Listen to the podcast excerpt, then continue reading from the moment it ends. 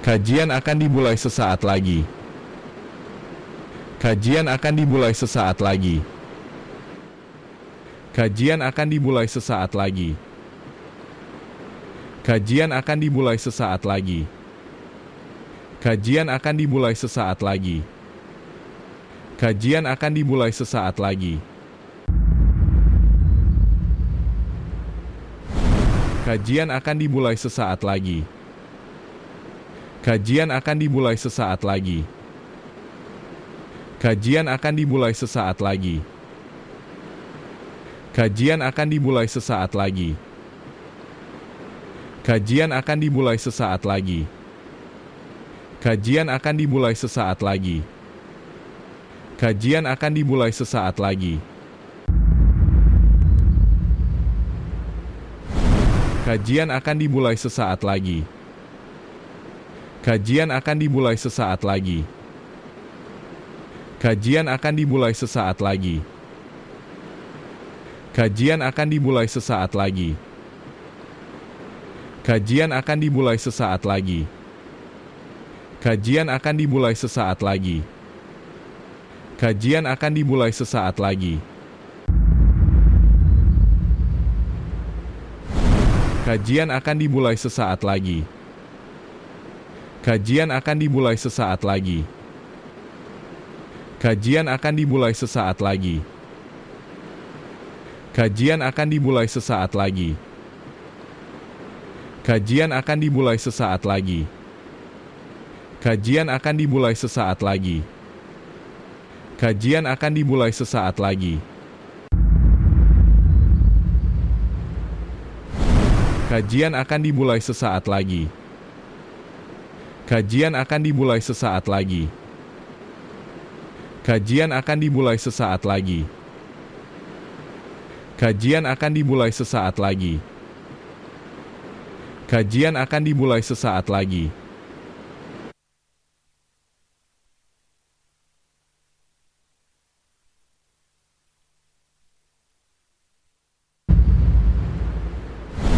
Kajian akan dimulai sesaat lagi.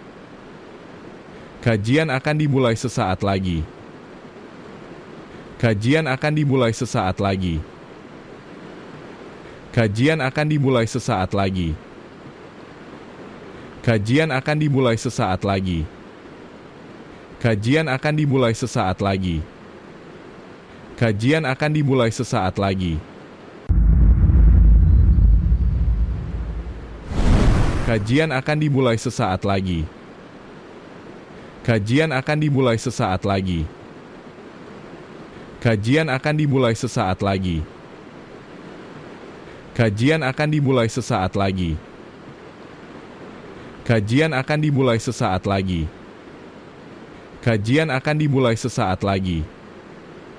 Kajian akan dimulai sesaat lagi. Kajian akan dimulai sesaat lagi. Kajian akan dimulai sesaat lagi. Kajian akan dimulai sesaat lagi. Kajian akan dimulai sesaat lagi. Kajian akan dimulai sesaat lagi. Kajian akan dimulai sesaat lagi. Kajian akan dimulai sesaat lagi. Kajian akan dimulai sesaat lagi. Kajian akan dimulai sesaat lagi. Kajian akan dimulai sesaat lagi. Kajian akan dimulai sesaat lagi. Kajian akan dimulai sesaat lagi. Kajian akan dimulai sesaat lagi. Kajian akan dimulai sesaat lagi. Mari raih pahala amal jariah dalam bentuk ta'awun pembebasan lahan untuk pengembangan Ma'had Tahfidzul Quran Tarbiyah Sunnah di Desa Selacau, Kecamatan Batu Jajar, Kabupaten Bandung Barat. Salurkan donasi ke rekening Bank Syariah Indonesia 77714760001 atas nama Tarbiyah Sunnah garis miring EM. Sekali lagi, salurkan donasi ke rekening Bank Syariah Indonesia 77714760001 atas nama Tarbiyah Sunnah garis miring EM. Mari mencetak penghafal Al-Quran yang berakidah ahlu sunnah wal jamaah cerdas, dan mandiri telah dibuka. Pendaftaran jenjang pendidikan SMP dan SMA. Daftarkan anak-anak kita di Mahat Tafizul Quran Tarbiyah Sunnah. Info selengkapnya lihat di website psb.mahattarbiyahsunnah.com.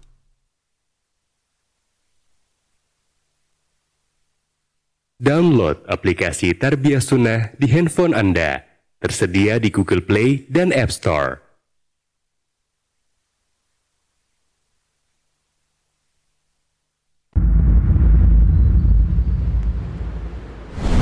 Kajian akan dimulai sesaat lagi. Kajian akan dimulai sesaat lagi. Kajian akan dimulai sesaat lagi. Kajian akan dimulai sesaat lagi. Kajian akan dimulai sesaat lagi. Kajian akan dimulai sesaat lagi. Kajian akan dimulai sesaat lagi.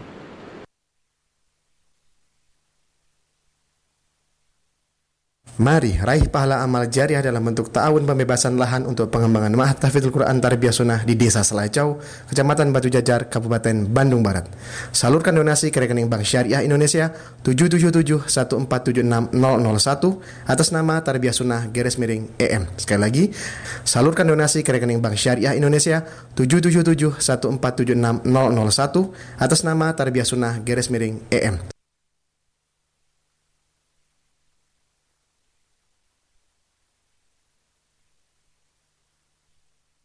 Mari mencetak penghafal Al-Quran yang berakidah, ahlu sunnah wal jamaah, cerdas, dan mandiri. Telah dibuka pendaftaran jenjang pendidikan SMP dan SMA. Daftarkan anak-anak kita di Mahat Tafizul Quran Tarbiyah Sunnah. Info selengkapnya lihat di website psb.mahattarbiyahsunnah.com. Download aplikasi Tarbiyah Sunnah di handphone Anda Tersedia di Google Play dan App Store.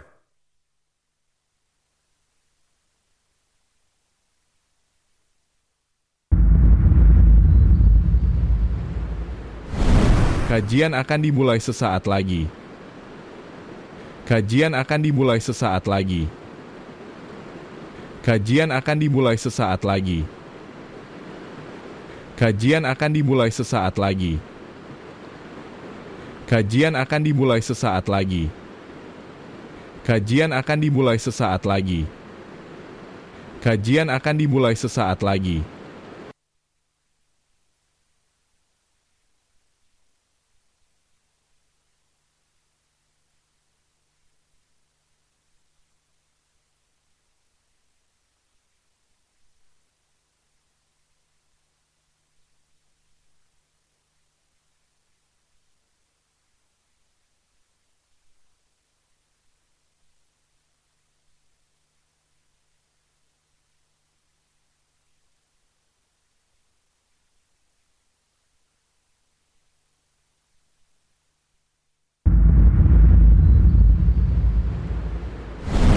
Kajian akan dimulai sesaat lagi. Kajian akan dimulai sesaat lagi. Kajian akan dimulai sesaat lagi. Kajian akan dimulai sesaat lagi. Kajian akan dimulai sesaat lagi. Kajian akan dimulai sesaat lagi. Kajian akan dimulai sesaat lagi. Kajian akan dimulai sesaat lagi. Kajian akan dimulai sesaat lagi. Kajian akan dimulai sesaat lagi.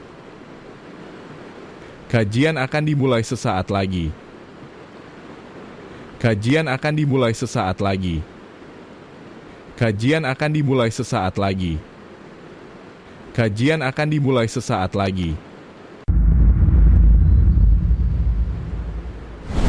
Kajian akan dimulai sesaat lagi. Kajian akan dimulai sesaat lagi. Kajian akan dimulai sesaat lagi. Kajian akan dimulai sesaat lagi. Kajian akan dimulai sesaat lagi. Kajian akan dimulai sesaat lagi. Kajian akan dimulai sesaat lagi. Kajian akan dimulai sesaat lagi. Kajian akan dimulai sesaat lagi. Kajian akan dimulai sesaat lagi.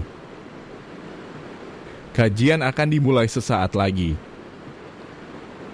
Kajian akan dimulai sesaat lagi. Kajian akan dimulai sesaat lagi. Kajian akan dimulai sesaat lagi. Kajian akan dimulai sesaat lagi. Kajian akan dimulai sesaat lagi. Kajian akan dimulai sesaat lagi. Kajian akan dimulai sesaat lagi. Kajian akan dimulai sesaat lagi. Kajian akan dimulai sesaat lagi. Kajian akan dimulai sesaat lagi. Mari raih pahala amal jariah dalam bentuk ta'awun pembebasan lahan untuk pengembangan Ma'had Tahfidzul Quran Tarbiyah Sunnah di Desa Selacau, Kecamatan Batu Jajar, Kabupaten Bandung Barat. Salurkan donasi ke rekening Bank Syariah Indonesia 77714760001 atas nama Tarbiyah Sunnah garis miring EM. Sekali lagi, salurkan donasi ke rekening Bank Syariah Indonesia 77714760001 atas nama Tarbiyah Sunnah garis miring EM.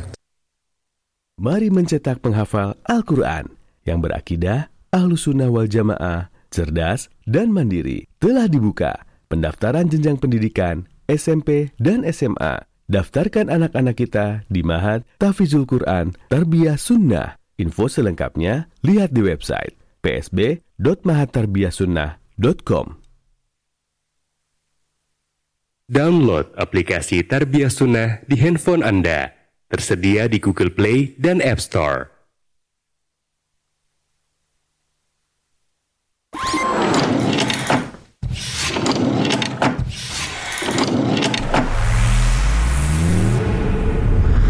Tarbiyah Sunnah Channel.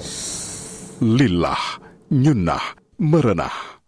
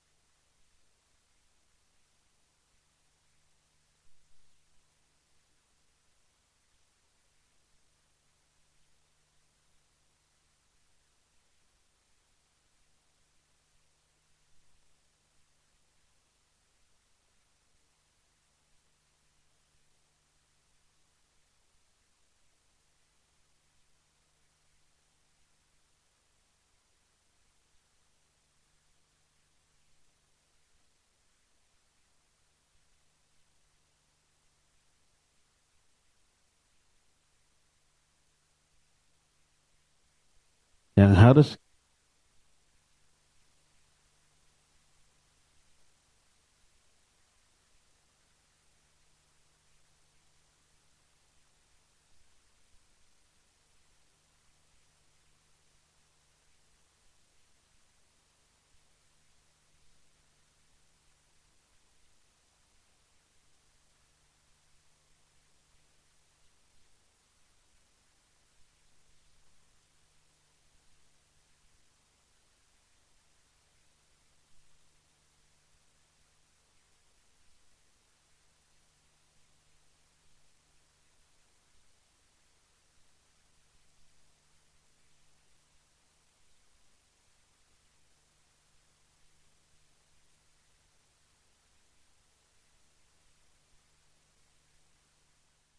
ada yang menjelaskan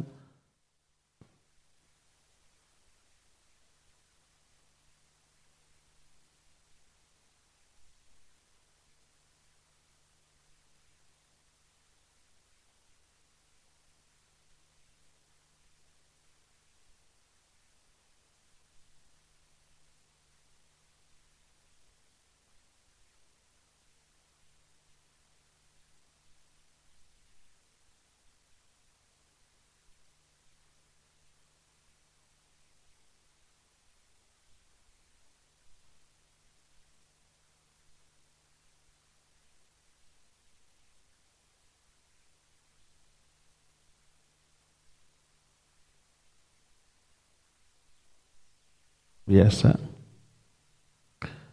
Ada anak saya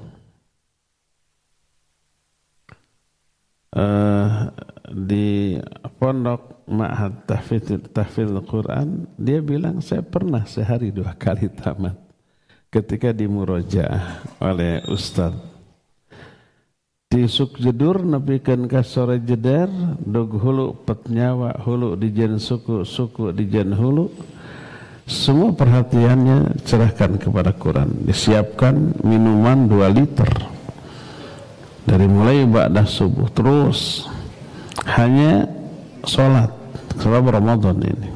Hanya sering sholat, minum-minum sampai serah. Jam 10 setelah beres taraweh baru tamat.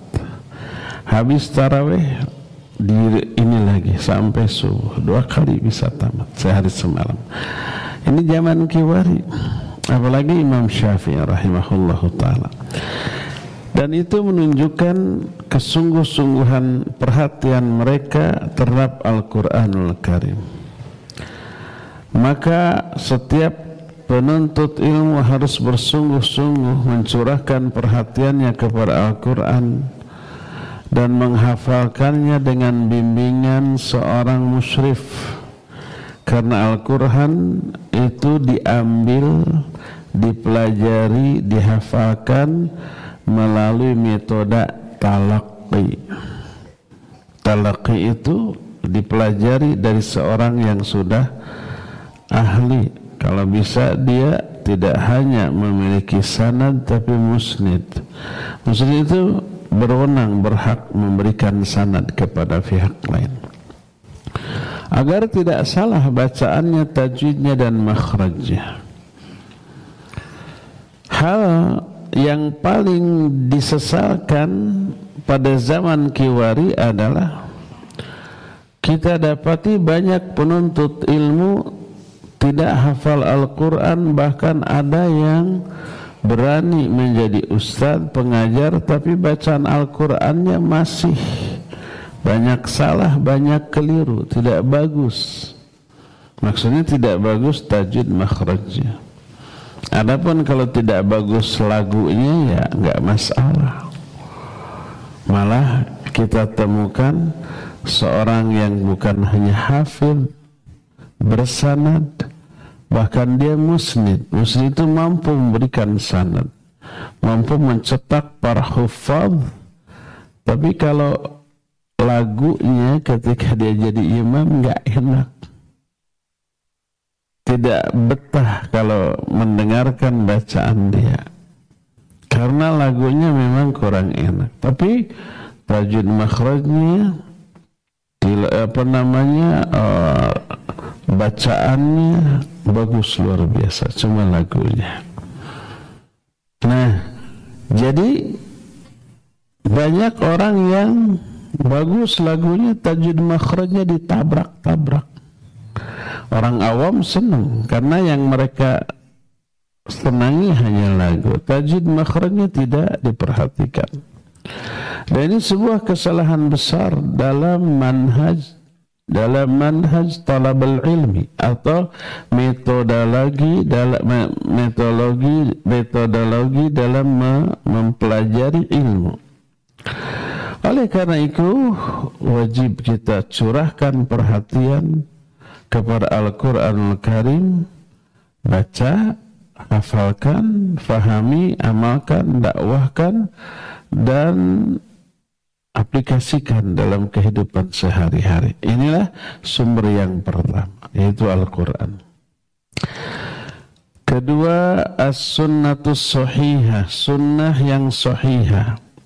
Sumber hukum yang kedua dalam syariat Islam.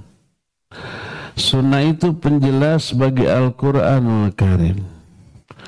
Quran hanya menjelaskan sesuatu secara global rinciannya dalam sunnah.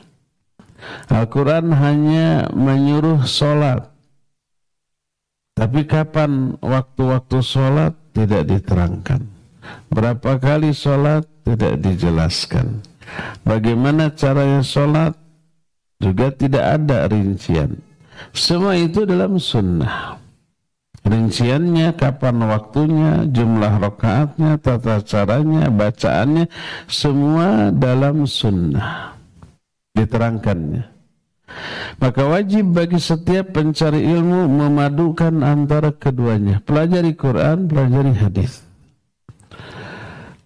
Karena itu seorang talibul ilm berupayalah untuk menghafalkan juga sunnah baik menghafalkan matan atau redaksional hadis-hadis ataupun mempelajari sanad-sanadnya dan upayakan bisa membedakan mana yang sahih, mana yang dhaif. Demikian juga menghafalkan sunnah dengan cara membela sunnah ini dan membantah syubhat-syubhat ahlul bid'ah terhadap sunnah. Karena banyak orang mengabaikan sunnah dengan akal, dengan logika. Mereka bilang cukup dengan Quran, tak perlu hadis. Karena Quran menjelaskan segala sesuatu. Pas ditanya gimana tata cara sholat, mana ayatnya, mana hadis, nggak tahu. Gimana tata cara saum? Quran hanya menjelaskan wajib saum. Gimana cara saumnya? Nahan diri dari apa? Berapa lama waktunya? Quran tidak ada penjelasan. Wajib zakat. Zakat fitrah ataupun zakat mal. Bagaimana tata caranya? Berapa jumlah harta yang wajib dizakati? Berapa yang harus dikeluarkan? Quran nggak menjelaskan sunnah yang menerangkan. Jadi terbelalah sunnah ini dan terjaga, terpelihara. Padukan ilmu kita tentang Quran dan sunnah secara berbarengan.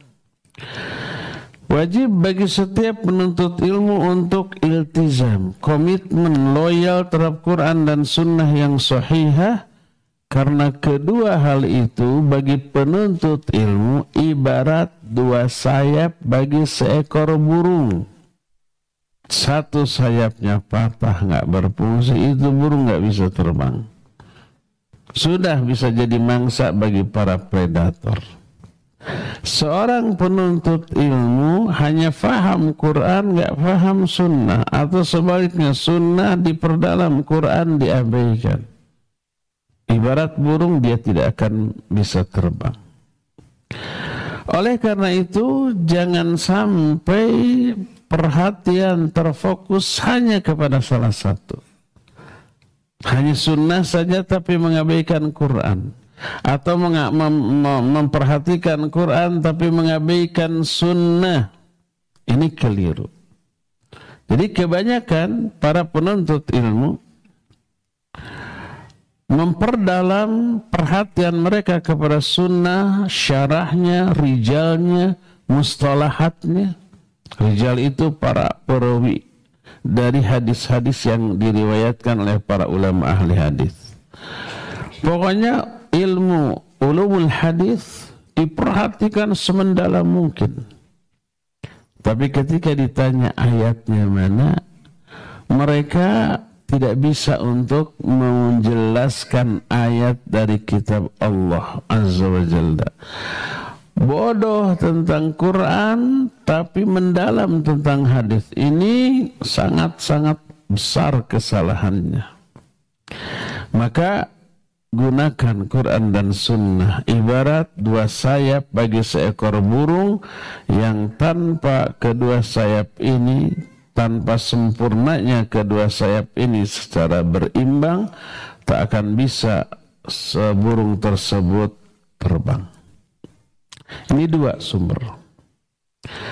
Ada sumber yang ketiga yaitu penjelasan para ulama. Jangan abaikan penjelasan para ulama. Kenapa? Sebab para ulama memiliki ilmu yang jauh lebih mendalam daripada kita. Mereka menguasai kaidah syar'iyah, rahasia-rahasia, dawabit-dawabit yang kita tidak miliki. Pengetahuan mereka lebih mendalam. Apalagi ya zaman bahela, zaman bahela ya. Para ulama itu belajar itu untuk diamalkan. Apa yang difahami langsung diamalkan. Apa yang sudah diketahui langsung diamalkan. Jadi ilmu dan hafalannya cermin dari amalannya. Kalau umpah Imam Bukhari menyusun kitab Al-Jami'us Sahih yang dikenal dengan kitab Sahih Bukhari. Apa yang sudah beliau tuliskan di kitabnya, diajarkan ke muridnya, itu pasti sudah diamalkan. Para ulama zaman bahula apa yang mereka ajarkan, apa yang mereka tuliskan dalam kitab itu sudah menjadi makanan sehari-hari dari segi pengamalan. Sudah diamalkan itu. Mereka nggak berani mengajarkan sesuatu yang belum mereka amalkan. Sehingga ada seorang ulama ketika ditanya tentang keutamaan membebaskan budak hamba sahaya. Apa sih keutamaan dari membebaskan budak? Dia nggak jawab. Beberapa hari kemudian ditanya lagi apa keutamaan membebaskan budak baru dijelaskan nih ayatnya nih hadisnya secara detail Ditanya kenapa kemarin ketika dita, di, di, ditanya tentang keutamaan membahas budak tidak dijelaskan sekarang dijelaskan secara detail apa jawabnya? Karena kemarin ketika saya ditanya saya belum, mengamalkan membebaskan budak. Lalu saya kumpulkan uang, saya beli budak hamba saya beberapa lalu saya bebaskan. Sudah diamalkan baru diajarkan, disampaikan. Kita lihat apa yang mereka ajarkan itu dia diyakini sudah diamalkan. Nah, kalau sudah diamalkan, dirasakanlah, ditemukanlah beberapa hal yang tidak terjangkau secara teoritis. Hanya bisa dicapai melalui pengamalan. Kita menjelaskan tahajud itu keutamanya begini-begini secara teori. Tapi pas ketika kita mengamalkan tahajud tersebut, ada sesuatu yang memang tidak terketahui melalui teori. Ada ketenangan batin, ada kenyamanan, ada ini, ada itu. Beda rasanya dengan hanya menyampaikan secara teori keutamaan saum begini begini begini hanya teori. Pas kita mengamalkannya oh ada sesuatu lain yang tidak terjangkau oleh teori. Tapi dirasakan ketika mengamalkannya. Seperti umpamanya orang jago gelutnya, kalau hanya peragaan jurus saja gitu atau hanya mungkul begini, nangkis begini, mungkul ada beberapa macam, ada jab, ada hook, ada uppercut gitu ya. Gitu gitu gitu.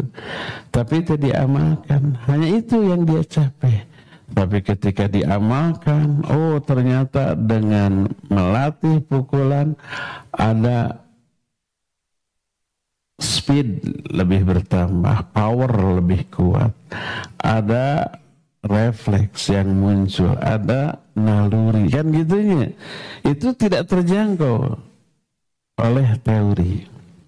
Hanya bisa dirasakan setelah beramal.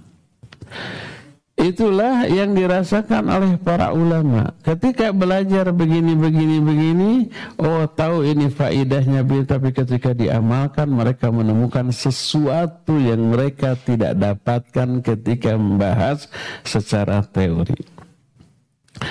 Oleh karena itu, maka bongkar, gali penjelasan para ulama ketika menerangkan ayat dan hadis yang menjadi sumber bagi ilmu kita. Berdasarkan hal itulah maka para ulama al-muhaqqiqun, al-muhaqqiqun itu ahli peneliti. Kalau idza tarajjaha indahum qaulun yaqulun in kana ahadun qala wa illa fala naqulu bih para ulama al-muhaqqiqun apabila telah jelas satu pendapat lebih kuat menurut mereka dalam satu perkara. Mereka berkata, bila ada ulama terdahulu berpendapat seperti ini, maka kita pun berpendapat seperti ini. Kalau umpamanya dia tidak menemukan pendapat yang lebih kuat menurut penelaahan dia, dia akan bersandar kepada ulama terdahulu. Contoh, Syekhul Islam Ibn Taimiyah dengan keluasan ilmunya.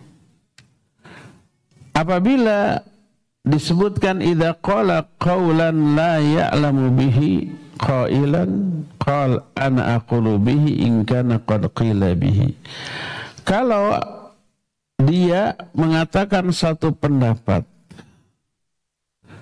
terus dia tidak tahu apa pendapat ini benar ataukah tidak. Dia berkata, saya akan berpendapat dengan pendapat ini kalau ada ulama terdahulu yang berpendapat begini. Dia tidak berpegang kepada pendapat pribadinya. Kalau ada ulama terlalu berpendapat seperti oke, okay, saya akan ambil pendapat ini. Jadi berpegang teguh kepada penjelasan para ulama ketika memahami Quran Sunnah jauh lebih selamat dan inilah yang dituntun oleh Quran dan hadis.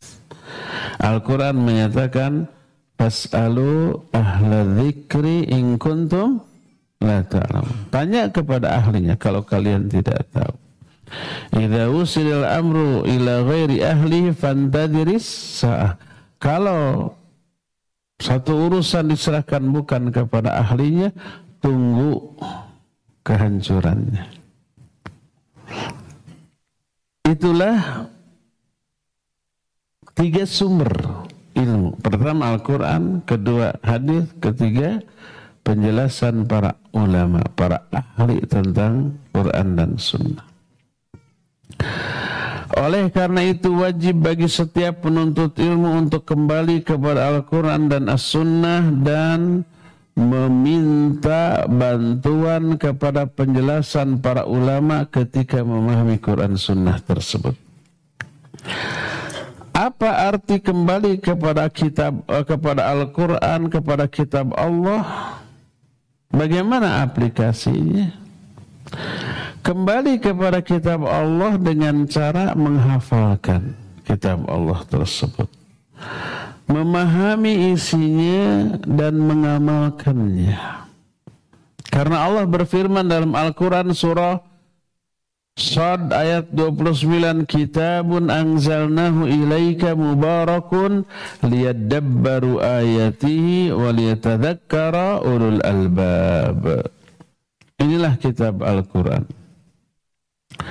Yang kami turunkan kepada engkau hai Muhammad yang penuh barokah agar manusia mentadaburi ayat-ayatnya dan agar ulul albab mengambil pelajaran darinya. Ulul albab itu orang yang memfungsikan akalnya. Lihat dua fungsi dari Al-Quran yang diturunkan yang diturunkan yang pertama baru ayatihi untuk mentadaburi ayatnya. Maknanya dan apa tujuannya? Mentadaburi sehingga dia bisa sampai kepada makna yang sebenarnya. Mempelajari tafsirnya. Kedua waliyatadzakkara ulul albab agar ulul albab mengambil pelajaran maknanya mengamalkan. Setelah difahami diamalkan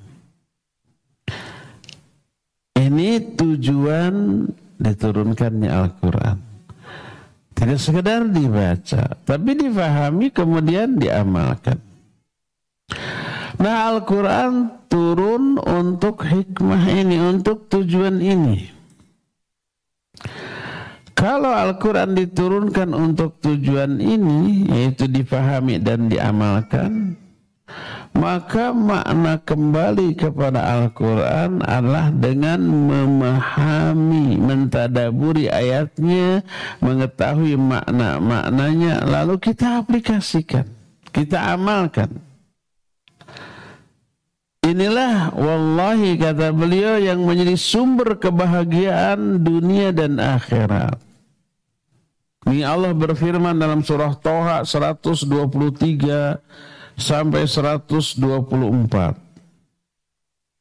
Allah berfirman, "Faman ittaba'a hudaya fala yadhillu wa la yashqa."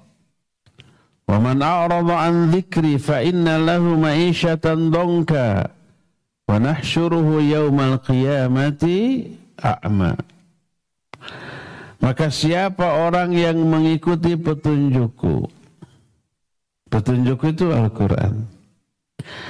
Maka dia tidak akan sesat dan tidak akan binasa. Ini ayat, sebelumnya ayat tentang disesatkannya Adam oleh iblis. Digodanya Adam oleh iblis, tergoda, diusir dua-duanya. Diturunkanlah dua-duanya ke muka bumi. Adam dan Hawa diturunkan, iblis juga diturunkan. Tapi tidak culjen. Culjen itu apa? Tidak dibiarkan dia kebingungan. Allah menyatakan, nanti akan aku turunkan petunjukku kepada kalian. Famanittaba'a hudaya. Siapa yang mengikuti petunjuk aku. Fala dia tidak akan tersesat di dunia Walayashqa tidak akan binasa di akhirat. Petunjukku ini adalah kitab Allah, Al-Quran untuk kita. Untuk umat-umat sebelumnya ya kitab-kitab sebelumnya. Itu semua dari Allah. Siapa yang mengikuti kitabku untuk kita Al-Quran, dia tidak akan tersesat di dunia, dia akan berada di atas syaratul mustaqim, dan tidak akan binasa di akhirat. Yadhillu tidak akan sesat itu di dunia. Wala yashqa tidak akan binasa itu di akhirat. Di akhirat selamat, di dunia juga selamat. Tapi sebaliknya waman a'rada an dzikri siapa orang yang berpaling dari peringatanku, berpaling dari Al-Qur'an. Nah tadi mengikuti petunjukku mengikuti Al-Quran dengan dipelajari, difahami dan diamalkan tadi. Siapa yang berpaling, maknanya tidak mau mempelajari Al-Quran, tidak mau memahami, apalagi mengamalkannya, maka bagi dia akan diberikan kehidupan yang sempit. Di dunia ini, di dunia hidupnya dipersempit, sumpah. Walaupun dengan harta yang melimpah. Hartanya bergelimang. Kekuasaan, pangkat, jabatan, popularitas dimiliki semuanya, tapi berpaling dari Quran. Stres dia. Dia kesepian di tengah-tengah kawan-kawan pendukungnya yang banyak. Dia stres karena hartanya melimpah, pangabutuh tidak ada kan adanya. Stiker tuh. Stres liur. Duit loba pangabutuh. Coba kalau uang sudah banyak, semua yang diinginkan sudah dimiliki, bosan, apalagi ya itu uang untuk apa? Stres dia. Agak mending yang nggak punya uang ingin ini ingin ikut tapi nggak punya uang untuk membelinya ada harapan. Siapa tahu ada yang raktir, siapa tahu ada yang ngasih, siapa tahu ah macam-macam. Begitu didapat, oh senangnya bukan main. Pernah nggak di antara antum ketika masih kere, masih bokeh, ingin ini, ingin itu gitu ya, beli apa pun yang harganya murah, aduh enak. Lalu bercita-cita kalau sudah punya uang diborong semuanya itu. Beli setiap hari kan gitu. Ada tukang bakso lewat nggak punya uang cuma nalan ludah cuma lihat emangnya kopet kopet ke. Karena ingin baksonya. Pas ditakdirkan banyak uang beli nggak bakso tiap hari? Bosan Jangan kan sekedar bakso apa pun steak umpah ah udah. Bosan ninggalin aja giung yang sudah terenak, sudah bosan, sudah bingung, apalagi yang akan akan terasa enak bagi dia. Sudah. Streslah dia. Jadi siapa orang yang berpaling dari peringatanku dari Quran? Fa ma'isyatan dongka. Baginya akan diberikan kehidupan yang sumpah, yang sempit. Dunia itu Wa yaumal qiyamati a'ma. Kami akan kumpulkan dia pada hari kiamat dalam keadaan buta. Dibutakan. Buta apa? Mata hati atau mata kepalanya? Mata kepalanya. Dan itu balasan karena kebutaan dia selama di dunia. Tidak menggunakan mata hatinya untuk mempelajari Al-Quran. Al-jaza min jinsil amal. Orang itu nanti protes. Rabbi lima hasyartani a'ma wa qad kuntu basira. Ya Allah, kenapa engkau membangkitkan aku dalam keadaan buta? Padahal dulu ketika di dunia aku melihat. Allah menjawab, "Kadzalika atatska ayatuna fanasitaha wa kadzalika al-yauma tunsa." Demikianlah Dulu ketika di dunia datang kepada kamu ayat-ayat kami, kamu bersikap seperti orang buta, mengabaikan, melupakan. Demikian juga sekarang kamu diabaikan dengan cara dibutakan. Al-jaza min jinsil amal. Nah, orang yang mempelajari Al-Quran, memahami, mengamalkannya, waduh, rasakan efeknya. Ibarat orang umpamanya yang, yang suka pedas ini cengek, ini cabai pedas, seha. Gimana seha itu? Hanya bisa terbayang tapi begitu makan, uh kepuasan karena sehanya itu luar biasa. Umpamanya buah yang paling enak dan wangi simontong. Disebutkan wanginya begini enaknya nyelekit sampai ke hati. Tapi begitu ada semontong kualitas super, wah ternyata apa yang dibayangkan dengan apa yang apa yang dirasakan jauh. Yang dirasakan itu luar biasa, susah diungkapkan dengan kata-kata. Demikian juga mempelajari Al-Quran, memahami, mengamalnya itu sebuah kenikmatan ketentraman, kenyamanan itu sekedar teori. Tapi ketika diamalkan langsung, oh, kenyamanan, kebahagiaannya itu tidak tidak bisa diungkapkan dengan kata-kata. Makanya lihat per perkataan Syekh Al-Utsaimin wali hadza la tajidu ahadan an'ama balan wala ashraha sadran wala ashadda tuma'ninatan fi qalbihi minal mu'mini abada.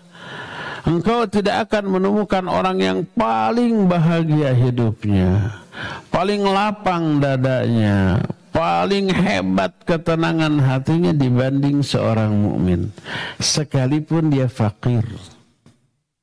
Seorang mukmin manusia yang paling dadang da, paling lapang dadanya paling tenang jiwanya ya paling uh, nyaman hidupnya walaupun dia fakir nih baca ayat yang terdapat dalam surah An-Nahl ayat 97. Allah berfirman, Man amila salihan min dzakarin aw untha wa huwa mu'min falanuhyiyannahu hayatan thayyibah wa lanajziyannahum ajrahum bi ahsani ma kanu ya'malun.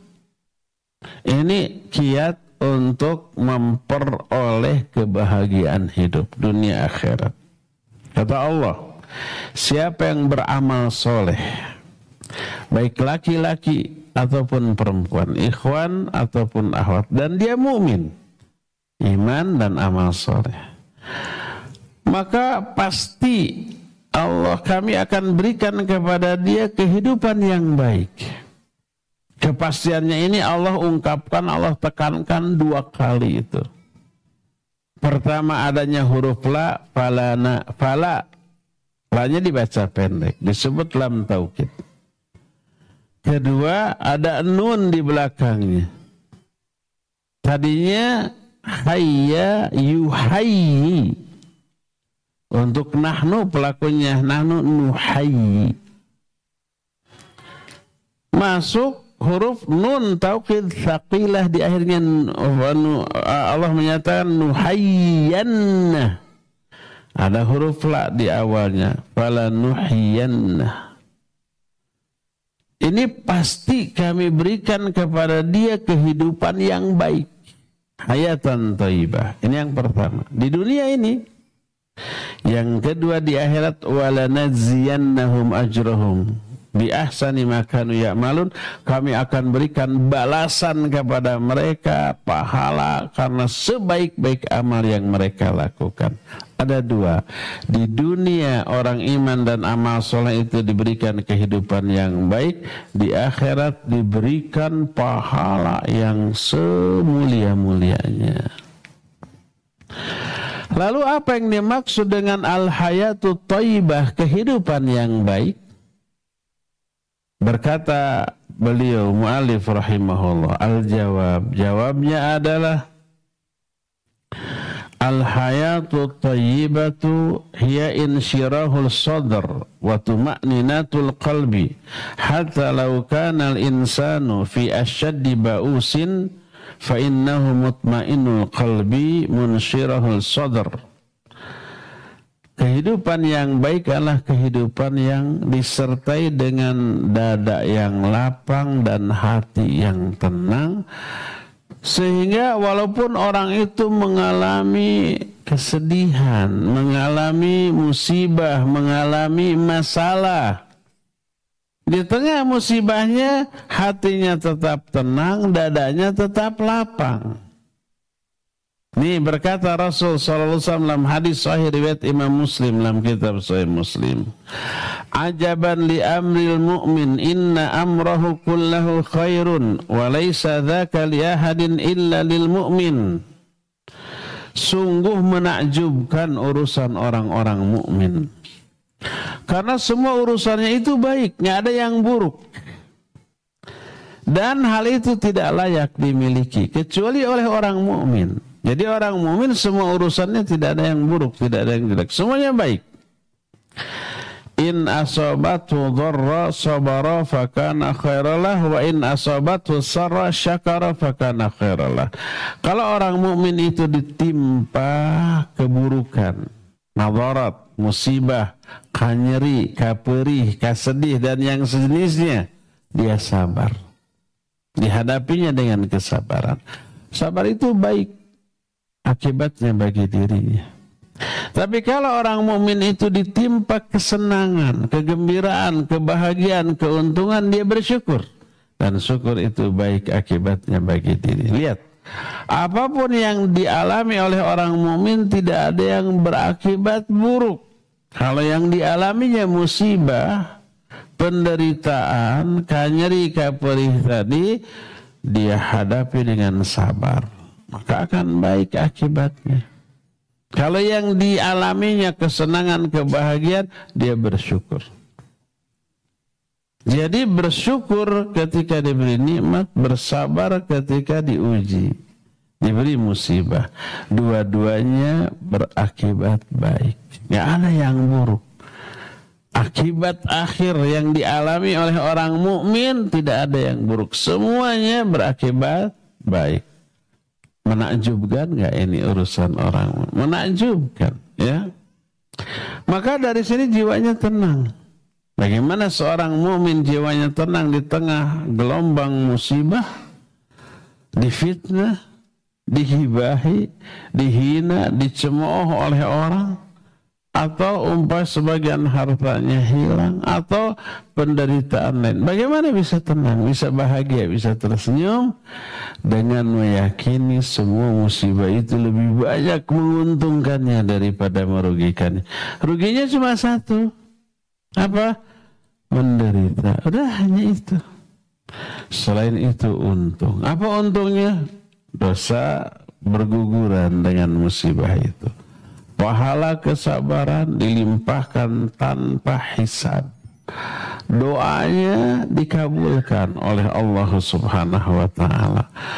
Derajat kemuliaannya terangkat lebih tinggi lagi daripada sebelumnya dipuji oleh Allah oleh para malaikat.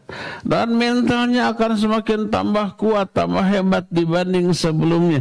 Itu beberapa keuntungan orang yang sedang diberi musibah terus dia terdorong untuk mendekat kepada Allah. Kalau lagi banyak masalah kan biasa suka mendekat ya banyak berdoa ya enggak? Malamnya bangun tahajud siangnya saum banyak berzikir banyak berdoa. Itu lagi dapat musibah tuh Aduh, saya dapat musibah banyak. Tidak ada yang bisa menolong saya kecuali Allah. Berdoa tuh kepada Allah. Malamnya bangun, tahajud dulu lalu berdoa. Siangnya saum, di tengah saumnya dia yakin doanya dikabulkan, berdoa lagi. Tapi coba kalau nggak ada masalah, yang ada kesenangan uang melimpah, jabatan tinggi, pangkat juga tinggi, populer, dihormati oleh banyak orang, sehat walafiat, mau berdoa minta apa lagi ke Allahnya? Sudah kan cumponan semua, gitu kan? Pas beres sholat berdoa, sholawat dulu. Minta apanya? Minta uang sudah tidak terhitung tuh. Minta rumah sudah ada empat rumah bagus semua dengan isi-isinya. Mobil ah tinggal nyomot di dealer gitu. Kalau mau ada uang ada gitu. Lawan dia tuh kiwe hungkul. Badi jeng tepok. Akhirnya udah nggak perlu berdoa lah. Dan semua sudah serba ada kan gitunya. Jadi orang yang ditimpa musibah jauh lebih banyak keuntungannya. Dengan cara seperti ini dadanya lapang jiwanya tenang di tengah musibah yang sedang dia alami. Itulah hebatnya menakjubkannya kehidupan seorang mukmin Adapun orang kafir kalau dia ditimpa musibah apakah sabar? Enggak. Dia putus asa, dia uring-uringan, dia stres, dia depresi, ya. Dia sedih, hatinya sumpah dan sempit seolah-olah dunia ini sekecil daun kelor. Kesedihan itu tidak bisa diobati dengan uang yang melimpah dengan kekuasaan, ya. Kadang-kadang dia itu bunuh diri. Ada nggak orang terkenal berkuasa kaya raya tapi bunuh diri? Ada yang kayak gitu yang banyak ya. Tapi seorang mukmin dia bersabar ketika memperoleh musibah dan dia merasakan kelezatan sabar, ketenangan jiwa, ketentraman batin dan itulah yang menyebabkan kehidupannya menjadi baik. Itu yang dikata dikatakan falanuhiyannahu hayatan thayyibah. Kami akan berikan kepadanya kehidupan yang baik. Kehidupan yang baik dalam jiwa dan hatinya. Sebagian ahli sejarah ada yang menceritakan kisah kehidupan Al-Hafidh Ibnu Hajar Al-Asqalani rahimahullah. Beliau orang kaya raya. Karena beliau qadhi di Mesir. Kalau di zaman kita mungkin hakim agung. Eh, hakim agung masih ada. Hakim Mahkamah Agungnya. Itu kan Oh berkuasa banget itu bisa merubah aturan itu. Setelah aturan dirubah dipecat. Imam Ibnu Hajar pejabat tinggi negara. Gajinya besar, kaya raya. Tapi ulama besar, zuhud. Sebagai orang kaya, beliau ke mana-mana memakai kendaraan termewah pada zamannya. Kalau sekarang kendaraan termewah waktu itu sekarang disebut delman. Belum ada mobil yang yang harganya mm saat itu. Delman pokoknya. Jadi pakai kereta kuda, panas nggak kepanasan, hujan nggak kehujanan gitu. Jadi kalau umpamanya beliau pergi ke tempat kerjanya selalu memakai delman tadi, ya, memakai kereta kuda yang ditarik dengan seekor kuda, rodanya kemudian dihias, kemudian ditiungan gitu. Tidak kena debu, tidak kena panas, tidak kena angin. Suatu saat ketika beliau sedang pergi di tengah jalan dicegat oleh seorang Yahudi, Zayyad. Zayyad itu tukang tukang jualan minyak minyak zait, minyak minyak goreng, bukan minyak wangi. Yahudi ini ya kafir, ya miskin. Tidak apa, tidak gede keuntungan dari menjual minyak itu. Dan orang yang menjual minyak itu rata-rata pakaiannya dekil and dekucel. Karena ke sana kemari jalan kaki capek berkeringat kena debu bercampur minyak gitu ya disebut wasikhus Jadi pakaiannya itu kotor.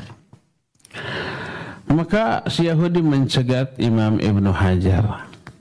Di, lalu ditanya, kata si Yahudi, Inna nabiyakum qala, sesungguhnya nabi kalian pernah berkata, ini Yahudi tapi hafal hadis. Kita Muslim tapi nggak hafal hadis.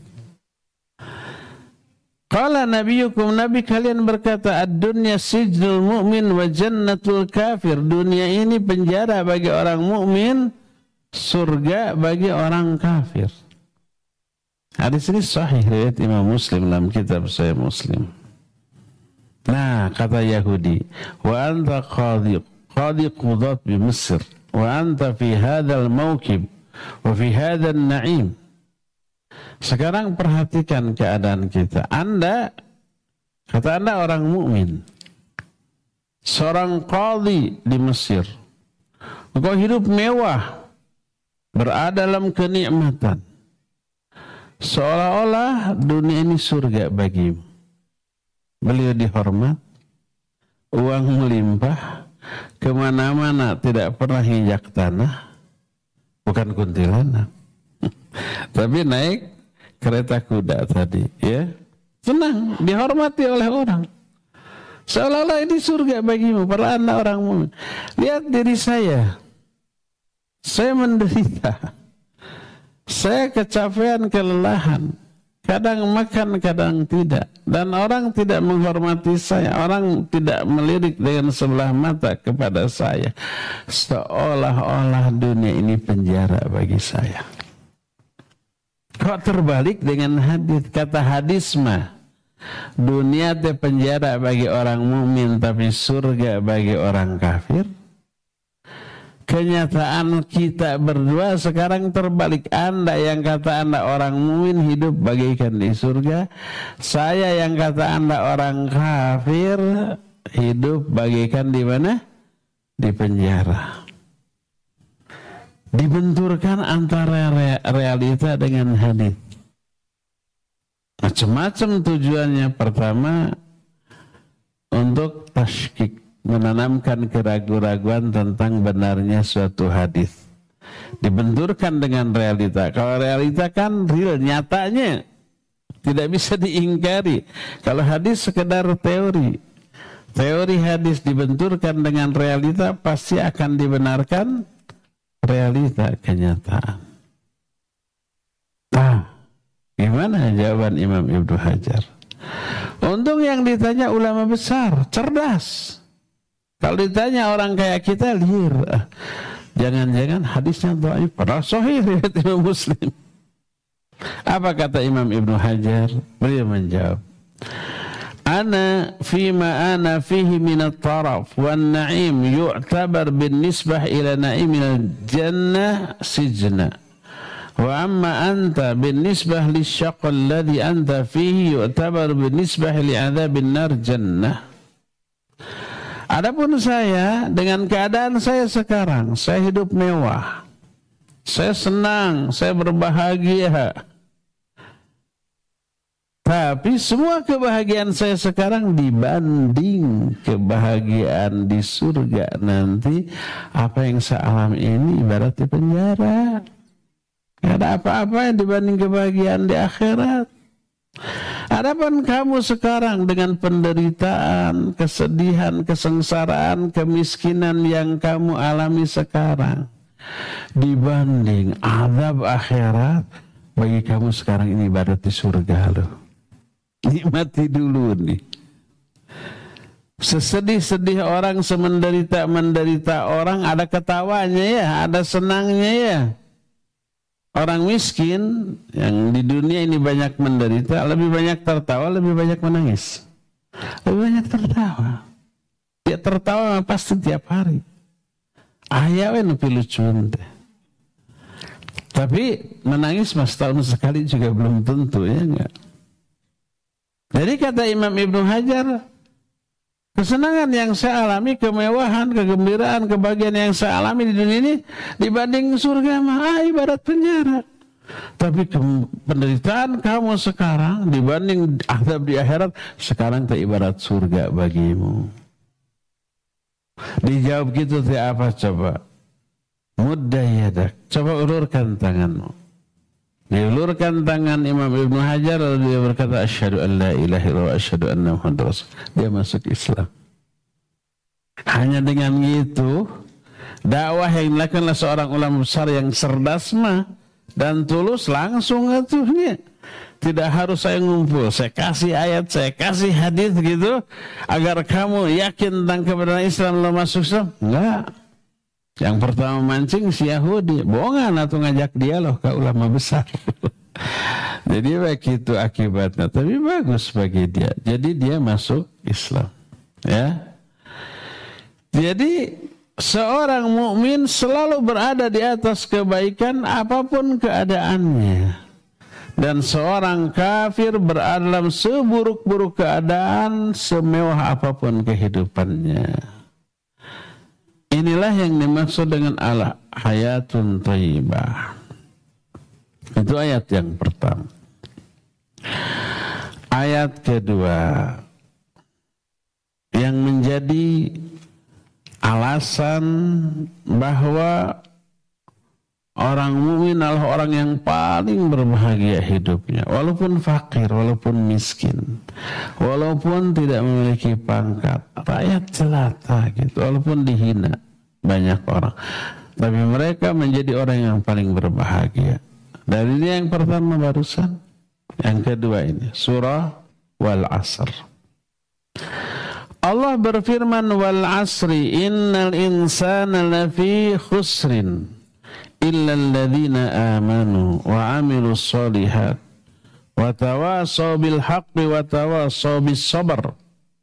demi demi waktu Walaupun di sini disebut waktu asar. Tapi para ulama ahli tafsir menyatakan demi waktu. Seluruh waktu tidak hanya asar. Disebut zikrul khas wa urida bihi ama. Disebut sebagian Sebagian waktu saja. Tapi yang dimaksudlah keseluruhan. Hampir semua waktu itu oleh Allah dijadikan alat sumpah. Ada wal asri, ada wal fajri, ada wadduha, ya, ada wan nahari, ada wal asri, ada wal laili, itu ya. Semua waktu dari mulai fajar, pagi, siang, sore, malam itu jadikan sumpah. Bahan sumpah oleh Allah Azza Saking pentingnya waktu. Demi waktu sesungguhnya manusia itu benar-benar berada dalam kerugian. Kecuali orang-orang yang beriman dan beramal soleh yang akan rugi ini. Dijamin senang bahagia. Walaupun banyak masalah, banyak musibah, fakir, miskin, hina, dihinakan banyak orang. Tapi dijamin dia tidak akan rugi. Kenapa? Iman, amal soleh, terus saling memberi wasiat dengan kebenaran dan saling memberi wasiat dengan kesabaran. Ini apa korelasi ayat atau surat ini dengan pernyataan tadi bahwa orang mukmin adalah orang yang paling bahagia hidupnya, paling tenang jiwanya, paling lapang dadanya. Walaupun dia fakir, walaupun dia miskin, walaupun dia itu tidak memiliki jabatan, pangkat, popularitas, tidak memiliki status sosial yang di, dilirik oleh orang, tapi mereka tetap akan menjadi orang yang paling bahagia. Apa korelasinya? Diterangkan oleh Syekh Utsaimin rahimahullah. Coba kita merasakan ini enggak gitu ya. Kalau merasakan, alhamdulillah. Kalau tidak merasakan, berarti rahasia hidup itu belum mampu untuk kita dapatkan. Bagaimana cara meraih kebahagiaan dalam hidup di tengah gelombang masalah yang selalu menerpa kita setiap saat. Dari berbagai sisi, masalah itu datang dari sisi ekonomi, dari segi sosial, dari segi politik mau lebih-lebihnya liur ngebandungan anak oge gitunya. Dari segala aspek, dari segi kesehatan kadang-kadang fisik ataupun psikis gitu ya. Itu selalu masalah ini berdatangan. Yang apabila tidak bisa mengantisipasi secara benar stres kita depresi kita bahkan merasa tertekan kita bahkan merasa sumpah dan sedih dalam mengaruhi kehidupan ini. Nah Islam memberi solusi bagaimana kita bisa tetap tenang di atas seluruh musibah yang kita hadapi ya. Ini rahasianya di antaranya terdapat dalam surah Wal Asri. Coba lihat penjelasannya ya luar biasa. Tapi kita jelaskan ini sampai depan. Nah, sekarang sudah habis waktunya. Sudah mau setengah sebelas ya. Sudah satu jam lebih yang kita habiskan. Kita cukupkan saja sampai di sini. Kita akan lanjut uh, di pertemuan yang akan datang. Kita masih punya sisa waktu untuk bertanya jawab. Apabila ada pertanyaan dipersilakan. Wassalamualaikum ala nabiyina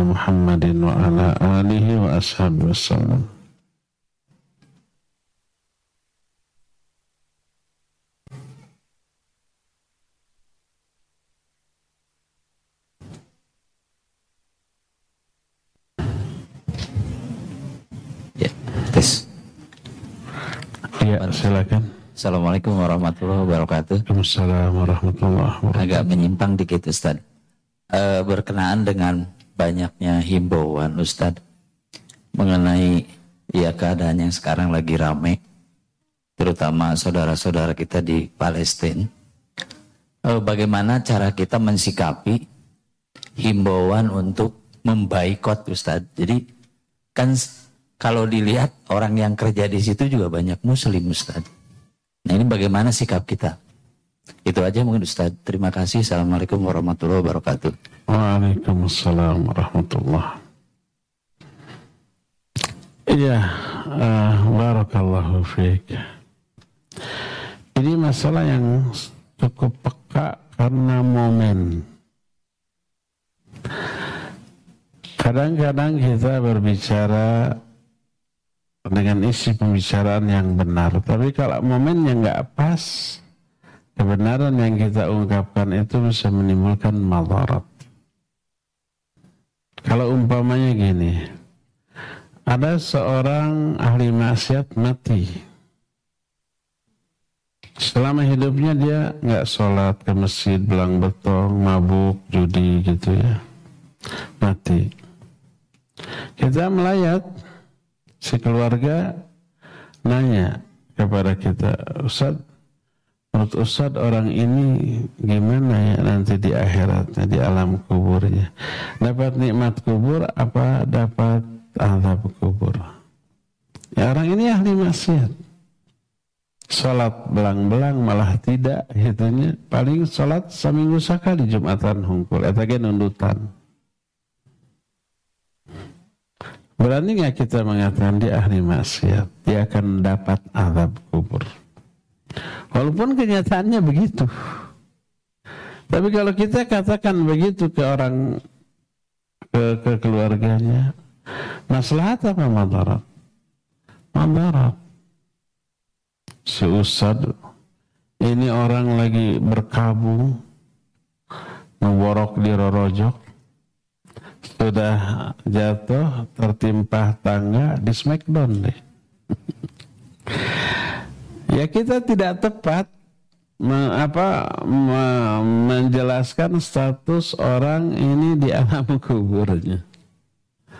Ya maka berdiplomasilah dengan mengatakan kita doakan saja. Semoga Allah Azza wa Jalla mengampuni dosa-dosanya. Kita berharap dia memiliki amalan penghapus dosa yang kita tidak tahu. Dan di berdasarkan data menurut data kan dia sholat getaranya kerja mabok judi gitu dan seterusnya segala mah diadab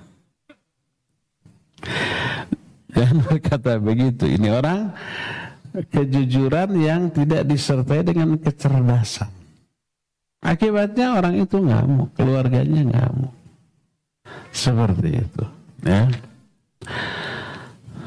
Pertanyaannya apa tadi?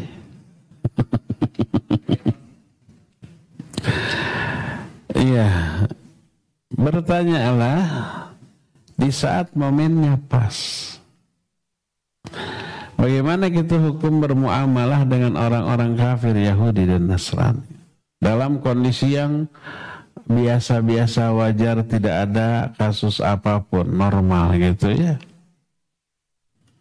Nah, maka jawabannya akan disertai dengan dalil yang gamblang jelas sesuai dengan ketetapan syariat tanpa menyinggung orang yang memang karena keadaan membuat tersinggung dengan penjelasan itu. Gitu ta. Coba ini ditanyakan sekitar 3-4 bulan yang lalu dijawab tuh. Gitu. Ada pertanyaan kedua? Ya, silakan. Waalaikumsalam warahmatullahi Yang uh, udah kebingungan doa gitu. Kadang-kadang uh, kita mungkin ada gitu ya yang mau doa apa ini gitu. Nah itu misalnya kita karena bingung itu akhirnya berdoa, ya Allah engkau tahu apa yang aku mau kabulkanlah doaku gitu seperti apakah itu boleh Ustaz? Baik. Baik, barakallahu fiik. Seorang mukmin sebaik apa pun keadaannya tidak akan bingung ketika berdoa. Dia kaya raya, pangkatnya tinggi jenderal bintang tujuh, umpamanya sampai liar. Tidak ada kebutuhan apa pun di dunia ini. Kalau dia mumin, dia jauh lebih butuh akhirat. Minta ampunan, minta hidayah, minta diberikan hidayah taufik untuk mensyukuri seluruh nikmat ini ya minta agar Allah subhanahu wa ta'ala meringankan hisabnya doanya akan lebih fokus ke akhirat kalau seluruh kebutuhan dunia sudah dia penuhi dia akan minta akhirat sudah terpenuhi oleh Allah azza wa jalla dia akan minta akhirat minimal ya Allah jadikan anugerah yang engkau berikan kepada saya harta, jabatan, pangkat, kekuasaan, popularitas, jadikan sebagai alat untuk meraih ridhamu. Jangan biarkan diriku terlena dengan semua kenikmatan, melalaikan tugas dan kewajiban, melalaikan hak-hakmu itu tidak akan pernah bingung, ya untuk berdoa kepada Allah Subhanahu wa taala. Kalau ini merasa kenikmatan ya Allah tetapkan kenikmatan yang Engkau berikan kepadaku dalam hidupku dan jadikan semua nikmat yang Engkau anugerahkan ini sebagai alat untuk meraih ridhamu, alat meraih pahalamu, kecintaanmu, meraih kebahagiaan alam kubur dan alam akhirat. Pasti lebih banyak anugerah yang Allah berikan akan lebih banyak berdoa. Berdoa agar semuanya itu jadi maslahat tidak akan madarat ya jadi orang yang ketika semua kebutuhan dunianya sudah terpenuhi lalu bingung mendoa apa, mendoakan apa lagi berarti orang itu duniawi oriented. Kehidupannya hanya berorientasi dunia. Setelah dunia didapatkan dia nggak butuh apa-apa lagi kepada Allah. Salah dia lebih butuh kepada Allah untuk mengelola dunia yang Allah berikan kepada. Jangan sampai nikmat Allah berupa dunia ini menjadi azab bagi dia dunia sampai akhirat. Ya, itulah intinya. Jadi walaupun dunia semua sudah tercukupi, malah berlimpah lebih, mintalah akhirat. Mintalah taufik dan hidayah dari Allah agar bisa mengelola anugerah dunia ini dengan sebaik-baiknya. Allahu a'lam. Ada akhwat? Silakan Ikhwan lagi. Akhwat nulis aja ya kalau ada. Iya, silakan. Assalamualaikum warahmatullahi wabarakatuh. Assalamualaikum warahmatullahi wabarakatuh. Barakallahu fiik Ustaz. Fika barakallah. Uh, tadi Ustaz menerangkan tentang tujuh upaya kita untuk uh, mendekatkan diri kita kepada Al-Quran. Membacanya, mengamalkannya, mendakwahkannya di antaranya Ustaz. Nah pertanyaannya Ustaz, uh, sampai sejauh mana tulabul ilmu bisa uh, mendakwahkannya? Untuk kasus sederhana mungkin uh, katakanlah seseorang mungkin dia baru belajar sedikit, tapi tiba-tiba dia mungkin di masjidnya yang sederhana diminta untuk bicara Ustaz. Apakah itu bagian dari tulabul ilmu untuk bagian mendakwahkan Al-Quran? Demikian Ustaz, mudah-mudahan bisa difahami. Assalamualaikum warahmatullahi wabarakatuh. Waalaikumsalam warahmatullahi wabarakatuh. Ya. So, nanti di dalam bab tersendiri namanya al-akhta allati yajibu hadruha. Beberapa kesalahan yang wajib untuk dijauhi oleh para tulabul ilm. Salah satunya diberi judul Nasyal Uthaymin At-Tasaddur Qabla Ta'ahul. Tasaddur artinya menjadi narasumber. Mengajar gitu. Ta'ahul artinya berkeahlian, berkemampuan.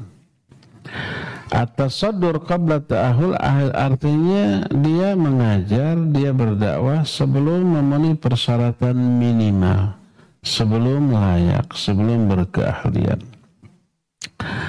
Itu kesalahan yang wajib dijauhi. Ya, maknanya menjadikan dakwah dan mengajar sebagai aktivitas rutin harian sebelum memiliki kapabilitas ilmu yang memadai itu kesalahan besar. Dia akan kedodoran. seperti umpamanya seseorang yang tentara umpamanya terjun ke medan perang tapi hanya membawa satu dua putir peluru hanya dua kali tembakan jedor jedor habis uluh musuhnya sepuluh deui apa yang harus dia lakukan? Itu bahaya. Dia bisa menjadi korban dari tembakan musuhnya ya. Atau umpamanya orang yang menjual barang. Dia hanya punya dua tiga unit. Padahal konsumennya ratusan ah, hanya sebentar sudah habis apalagi yang bisa dia dagangkan. Padahal dia sewa tempat itu sabulanan gitu. Nyewa tempat sabulanan dengan bayaran yang mahal tapi unit produk yang dia miliki hanya dua tiga buah. Akhirnya satu menit dua menit habis. Apalagi yang bisa dia jual. Padahal masa kontraknya sebulan lagi mubadir kan orang jadi ustadz jadi pengajar dengan ilmu yang minim satu menit, dua menit, lima menit, sepuluh menit habis bahan. Padahal waktu ceramahnya dua jam atau sejam. Sisa waktunya, kalau mau waktu ceramahnya satu jam, bahannya sepuluh menit habis, lima puluh menit dia bisa apa coba? Maka yang terjadi dia nanti ngalor ngidul cerita kisah pribadi yang dikarang korong. Habis bahan akhirnya dia mencari lawakan-lawakan yang membuat orang tertawa. Bahaya. Jadi kalau menjadikan itu sebagai aktivitas harian, nggak boleh, itu sebuah kesalahan. Adapun kalau bukan menjadi aktivitas harian, umpamanya uh, kita lagi duduk ada yang bertanya tentang sesuatu yang memang kita sudah tahu jawabannya hadis ya, ayatnya kita hafal silakan sampaikan. Tapi bukan untuk ceramah rutin. Kalau umpah insidental umpamanya kita sholat di suatu tempat pas lewat. Pas ada orang yang kenal kita kita rajin ngaji. Akhirnya diminta kultum kuliah terserah antum. Sabar menit, lima menit boleh. Kita punya satu dua ayat silakan sampaikan saat itu. Balighu anni walau ayat. Tapi sebatas ilmu yang kita pahami. Adapun rutin tiap hari ke sana ya jangan. Jadi kalau insidental sifatnya sewaktu-waktu dan kita mampu memberikannya silakan. Tapi untuk dijadikan kajian rutin, maka itu perlu amunisi yang cukup ya. Kalau amunisinya cukup, umpah kita stok peluru bisa satu gudang, musuh ada sepuluh, ah gampang ya tamah. Ngadadak oke okay, bisa kan gitunya. Silakan. Mau rutin, mau terus-terusan seumur hidup stok pelurunya banyak segudang, silakan. Stok peluru itu nggak akan habis sampai usia kita habis. Silakan. Nah, seperti itu. Jadi harus dibedakan antara mengajar secara rutin, kontinu dan memberitahu di saat-saat tertentu. Tidak menjadi habit uh, kebiasaan harian. Allahu a'lam bisawab. Cukup ya, sudah lebih waktunya. Insya Allah kita jumpa lagi di pertemuan yang akan datang. Subhanakallahum bihamdik. Asyhadu an la ilaha illa anta. Astaghfiruka wa atubu ilaik. Walhamdulillahi rabbil alamin. Wassalamualaikum warahmatullahi wabarakatuh. Mari raih pahala amal jariah dalam bentuk ta'awun pembebasan lahan untuk pengembangan Ma'had Tahfidzul Quran Tarbiyah Sunnah di Desa Selacau, Kecamatan Batu Jajar, Kabupaten Bandung Barat. Salurkan donasi ke rekening Bank Syariah Indonesia 77714760001 atas nama Tarbiyah Sunnah garis miring EM. Sekali lagi, salurkan donasi ke rekening Bank Syariah Indonesia 77714760001 atas nama Tarbiyah Sunnah garis miring EM. Mari mencetak penghafal Al-Quran yang berakidah, ahlu sunnah wal jamaah, cerdas, dan mandiri. Telah dibuka pendaftaran jenjang pendidikan SMP dan SMA. Daftarkan anak-anak kita di Mahad Tafizul Quran Tarbiyah Sunnah Info selengkapnya lihat di website psb.mahatarbiasunnah.com. Download aplikasi Tarbiyah Sunnah di handphone Anda. Tersedia di Google Play dan App Store.